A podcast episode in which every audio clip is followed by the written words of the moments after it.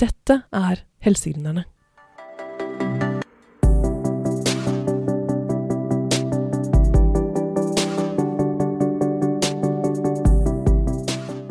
De fleste av oss har hørt om selskaper som lager medikamenter.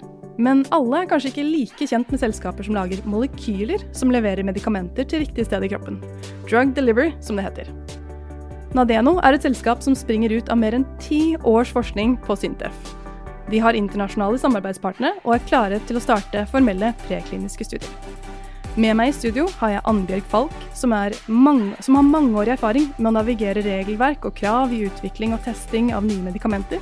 Velkommen i studio, Annbjørg. Tusen takk. Veldig hyggelig å være her.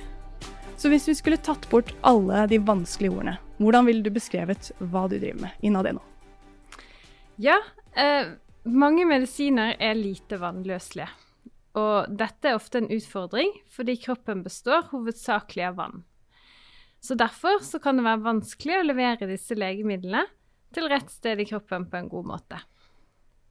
Så på et overordnet nivå, det vi gjør i Nadeno, er at vi pakker inn medisiner som er lite vannløselige i nanopartikler. Målet med dette er å levere medisinen der den skal virke i kroppen på en tryggere og mer effektiv måte. I første omgang så benytter vi allerede godkjente aktive virkestoffer som vi vet er potente og har god effekt.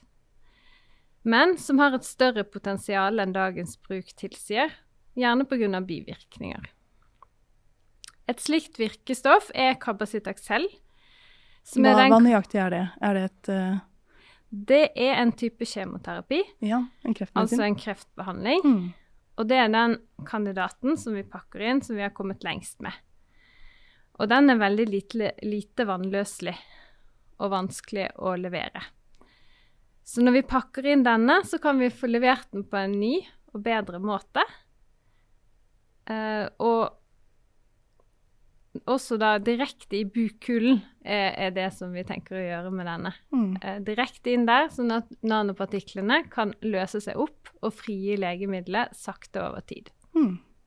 For det, eh, den, denne nanopartikkelen, eh, kan det ligne litt på olje eller fett? Er det derfor det liksom hjelper eh...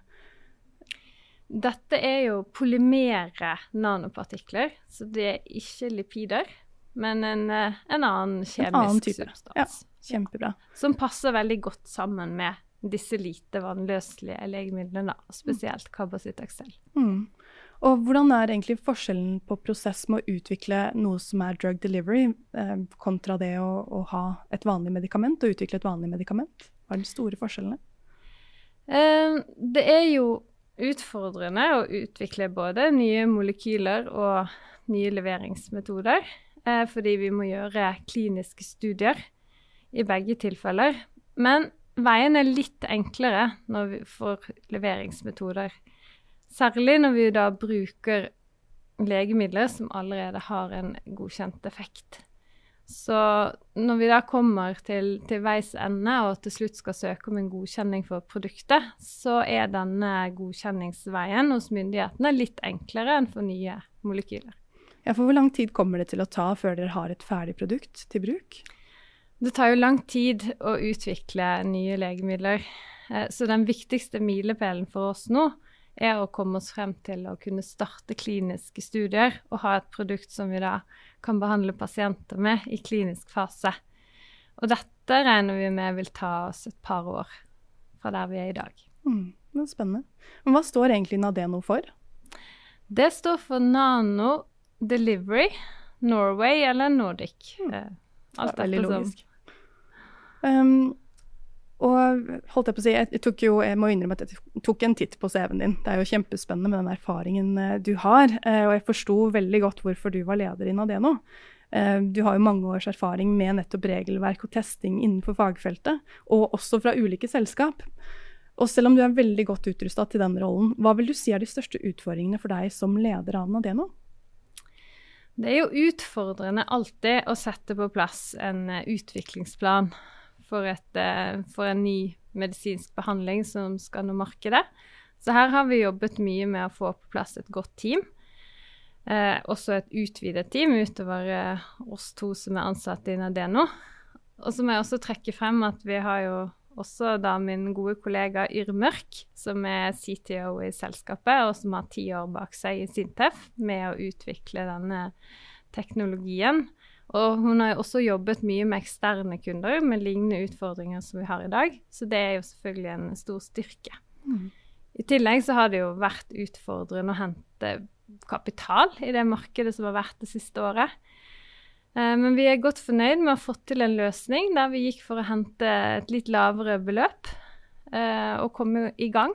Og da har vi med oss Sintef Venture som vår største eier, og også fått til et godt, en god gruppe med gründerorienterte investorer, fra, særlig fra Trondheimsområdet, men også andre deler av landet. Mm. Ja, for det er vel ganske kapitaltungt å drive med denne typen forskning og denne typen utvikling? Det er jo det, og det er jo særlig det at vi skal inn i en klinisk fase som eh, drar kostnadene for, for denne utviklingen, mm. som for mange andre. Hva innebærer en klinisk fase? Der vi er nå, så innebærer det jo å planlegge for klinisk fase. Mm -hmm. Dokumentere produktet vårt uh, veldig godt. Um, både på det kjemiske nivået, men også da i preklinikk, og særlig med fokus på, på safety. Um, og så er det jo å, å faktisk teste produktet i, i, de ekte pasientene som har behov for uh, denne behandlingen. Mm. Og det gjøres jo da i, i flere trinn, da, som uh, vi kjenner til. Ja. Mm. For den, de pasientene som dere ønsker å behandle, eller ønsker å transportere legemiddelet eh, til, det er vel en gruppe pasienter med kreft i, i, buken, er det ikke det? Ja. Det er jo eh, kreft som har spredt seg til buken fra andre organer som vi eh, tenker å se på. Og vi har jo hatt eh, og Sintef da, eh, frem til nå et veldig godt samarbeid med Radiumhospitalet og professor og gastrokirurg Kjersti Flatmark der. Og det har blitt gjort mange studier i in vivo-modeller, altså mus- og rottemodeller, hvor man har undersøkt eh, effekten av produktet vårt. da. Som har gitt oss eh, motivasjon til å gå videre og starte Nadeno. Denne reisen begynte jo hos Sintef etter mange mange års forskning. Men hvordan gikk det seg egentlig til? Hvordan ble selskapet startet? Dette har jo vært et prosjekt som har blitt plukket av, opp av eh, Sintef TTO for en god stund tilbake. Det er et moden prosjekt, kommet langt, mye mer enn bare en idé. Og for to år siden fikk vel prosjektet sin første runde med midler fra Forskningsrådet, såkalt FORNY-prosjekt. Eh, I den andre runden som vi hentet i fjor, så, så, kom jeg også inn da, og har jobbet med å starte dette selskapet det siste året som en eh, såkalt entreprenør in residence. Så det har vært en eh, veldig spennende reise. Å faktisk gjøre alt det grunnarbeidet som skal til for å starte en spin-off. Hmm. Mm. Spennende. Hva var de største utfordringene eller mulighetene du så da dere skulle starte selskapet? Det er jo det at vi bygger på så mye. Vi har Altså, det kommer mye kompetanse fra Sintef, og de er jo fortsatt vår foretrukne og veldig nære samarbeidspartner på forskning og utvikling. Så her er det jo mye å bygge videre på. Vi har eh, patenter som, som, kommer fra Sintef, men vi har også tilgang til nye oppdagelser som kan komme fremover på, på teknologien. Så spennende. Eh, og dere har jo fått på plass internasjonale samarbeidspartnere. Kan du ikke fortelle litt om det? Jo, vi ble jo valgt ut som en eh, lovende nanomedisinkandidat av National Cancer Institute i USA i sommer. Som er en uh, veldig viktig validering for oss av det produktet som vi nå går først med. Og kravene her har jo vært høye. Det var en krevende prosess. Eh, vi har måttet vise at, har, at, produktet er veldig godt dokumentert, at vi har gjort eh, TOX, eh, altså safety og effektstudier i dyr- og musemodeller. Og I tillegg så er det viktig å kunne vise at man har en konkret plan for hvordan, hvordan dette faktisk kan komme til markedet og pasientene. Så, så dette er en viktig validering av av hele løpet på første kandidat, men også av den jobben som har blitt gjort eh, på Sintef på forhånd. og eh, av det kliniske samarbeidet vi har hatt med Radiumhospitalet. Hva kan det bety for finansieringen av selskapet at dere har fått denne valideringen? Det håper vi jo skal være en validering også for investorene. For dette, dette gir jo oss eh, tilgang til ekspertise på nanomedisinutvikling hos NCI i USA, som er verdensledende på å gjøre dette for, på nanomedisiner. Og NCI, det var National Cancer Ja. Institute. Mm. Og det som også er veldig viktig å få med, særlig overfor investorene, er jo at mye av dette programmet får vi jo da uten kostnad. Så det vil si at vi har en veldig god plan for hvordan vi skal gjennomføre den prekliniske studieplanen vår da, fremover. Og hva er de neste stegene for dere fremover? I tillegg til å sette i gang den eh, prekliniske testingen hos, uh, i USA, så har vi også identifisert en kontraktsprodusent som skal produsere produktet vårt og oppskalere og gjøre prosessutvikling. Og dette er utfordrende for nanomedisiner, så dette er spennende å komme i gang med. Og dette er den eh, viktigste milepælen vi har før neste kapitalrunde, da. Mm. Når blir neste kapitalrunde for dere? Den kommer mot slutten av neste år. Spennende. Og så har vi jo snakket om pasienter med bukkreft som, som eh, første målgruppe her, men er det andre typer medikamenter dere ser for dere å jobbe med? Vi har også en liste med, med flere legemidler som vi vet passer sammen med denne polymeren da, som vi pakker eh, lege, legemidlene inn i. Og det vi, har vi veldig lyst til å jobbe videre med. Og ved å utvikle egne kandidater, så vil vi også på en måte da bevise eh, plattformpotensialet vårt. Og kunne jobbe mot eksterne partnere som også har behov for å levere lite vannløselige legemidler. Eh, og, og utvikle en plattform som vi da kan lisensiere ut. Hva betyr en plattform i denne sammenhengen? Det betyr at vi kan bruke teknologien vår bredt, egentlig, på flere kandidater. Og hvor lett, eller vanskelig kanskje, er det for norske gründerbedrifter å nå gjennom til internasjonale samarbeidspartnere, som, som dere jo også har på plass?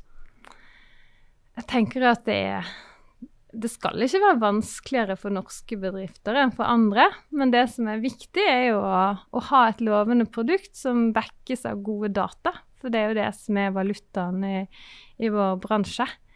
Og det, det har vi jo mange eksempler på, på i Norge allerede. Mm. Og er det sånn at du må tenke internasjonalt fra dag én når du, når du tenker på denne typen eh, forskning og denne typen bedrifter? Ja, kravene til legemiddelutvikling er jo internasjonale. Eh, så, så fra dag én så må vi, må vi tenke på å oppfylle krav globalt, sånn at vi kan nå flest mulig pasienter med vår behandling. Mm. Det er like greit, det. Da har man jo internasjonalt potensial også med en gang fra dag én. Kjempespennende. Hvor har du lyst til at selskapet skal være om fem år? Om fem år så tenker jeg at vi er godt i gang med det kliniske utviklingsprogrammet på vår første kandidat. Eh, og at vi forhåpentligvis nærmer oss da en proof of concept. eh, og kan være attraktive for eh, partnerskap med, med Big Pharma. Mm. Og hvis du kjenner noen andre som, som går med en sånn gründerdrøm i magen, spesielt kanskje innenfor life science, da, som er fagfeltet her, hva, har du noen gode råd? Utgangspunktet så tenker jeg vel eh, gå for det. Eh, viktig å kartlegge at det, at det er et behov for det produktet man eh, har i tankene der ute. Snakke med folk som, eh, som kan noe om det, det man har lyst til å gjøre. Men samtidig så er det jo lett å tenke ting litt i hæl. Eh, snakke med folk som ikke bare ser risikoen, men også mulighetene, tenker jeg.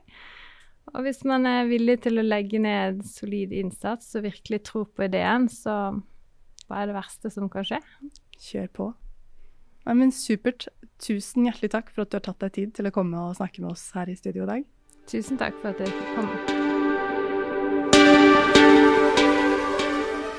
Du har hørt på podkasten Helsegründerne. Mitt navn er Ida, og vi høres igjen i neste episode.